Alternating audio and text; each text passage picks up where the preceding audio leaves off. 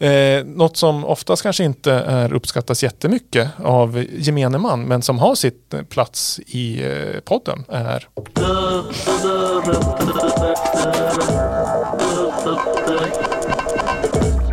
Slim smala skiva. Jag uppskattar visst. Well, I can tell you about an old pudding which has really gone out of fashion. It's more suitable really for the men folk who come in when they're really tired and been out probably on a wet day and they call it lample pudding. Uh, now this is made from uh, buns and biscuits and these are steeped in hot ale. And uh, after they've done the steeping they used to add spirit and uh, seasoning or sugar to the man's liking. And most of them liked a fair amount of spirit with their lample pudding. Yerb pudding's a grand thing round here, and that's made in the springtime. Uh, we had Romans here, and of course the Romans are blamed for bringing nettles to England, never mind Cumberland.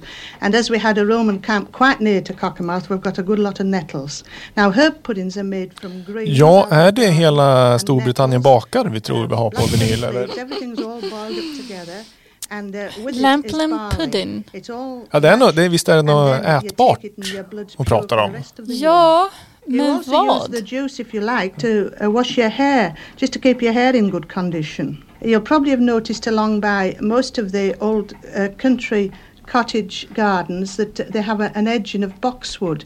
Now, at one time, this boxwood was grown for a great deal of purposes, one of which was to uh, stop a man from going bald. Uh, his old woman had to collect boxwood, boil it, and uh, rub his head with the juice after he'd got to bed, of course, because uh, he had to lay quiet when he'd got the juice on his head. And so alltså, vad pratar de om? bed.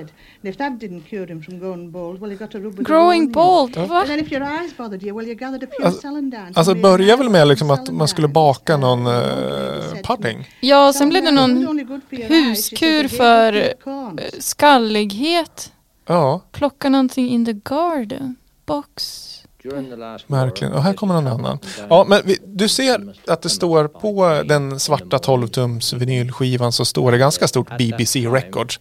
Så vi kan väl med ganska eh, enkla medel eh, härleda skivan till eh, att den kommer från England. Mm. Är det något TV-klipp. TV-radio. Newton Abbott, Newton Abbott. Nu- Train now standing at number four platform going to Plymouth. Over the bridge to Torquay. Hurry up and take your seats. The train's about going. Nej, det, alltså svaret är ganska enkelt när man får se skivan. Och, eh, vi, vi började ju prata lite eh, engelska och eh, Ja. innan vi spelade in det här så var vi ju åt på en, ja vi åt mat, middag. Eh, och då kommer jag ihåg att vi började prata om dialekter. Ja. Och då sa jag, lägg den bakom örat och ingen ja, ja, ja. förstod ju någonting. Ja. Jaha! Jaha! Det var inte så mycket innehållet utan det var dialekterna. Ja, vad är det, vad är det för skiva du har i handen? English with a dialect.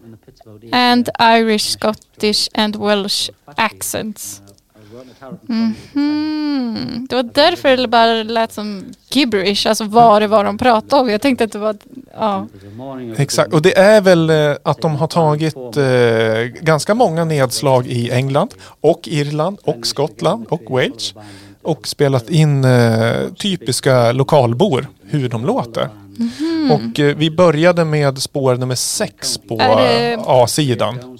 Precis, och, och det är ett område som jag inte har jättebra koll på. Vad heter den? Cumberland. Cumberland, ja. Men de har illustrerat det så fint på framsidan så vi har den engelska kartan.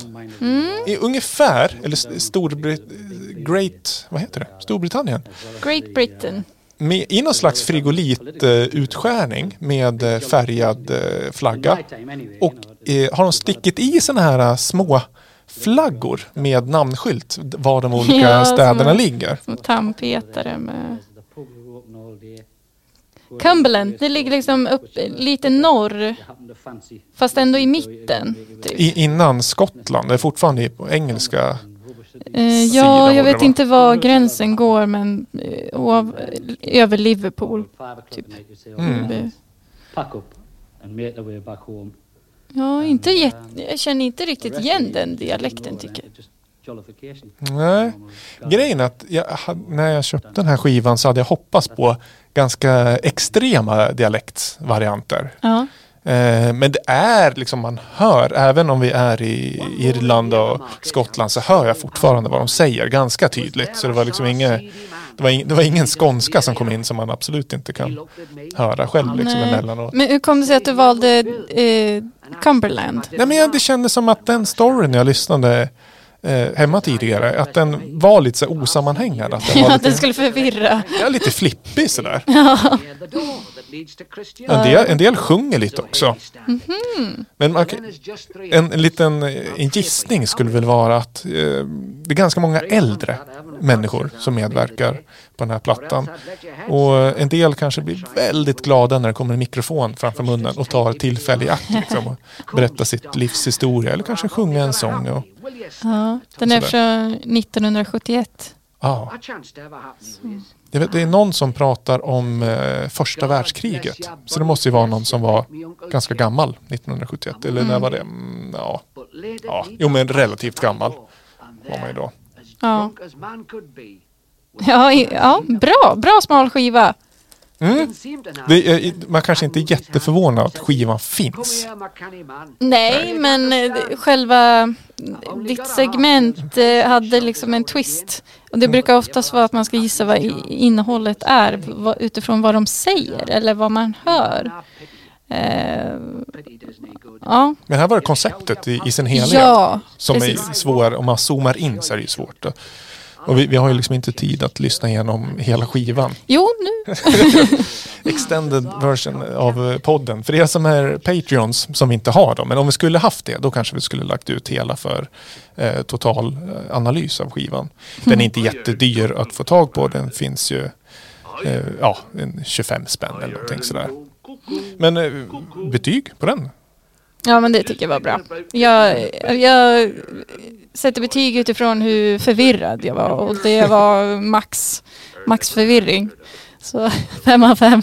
Yes! Två femmor i två veckor i rad här. Det är Ja, det går bra nu. underbart.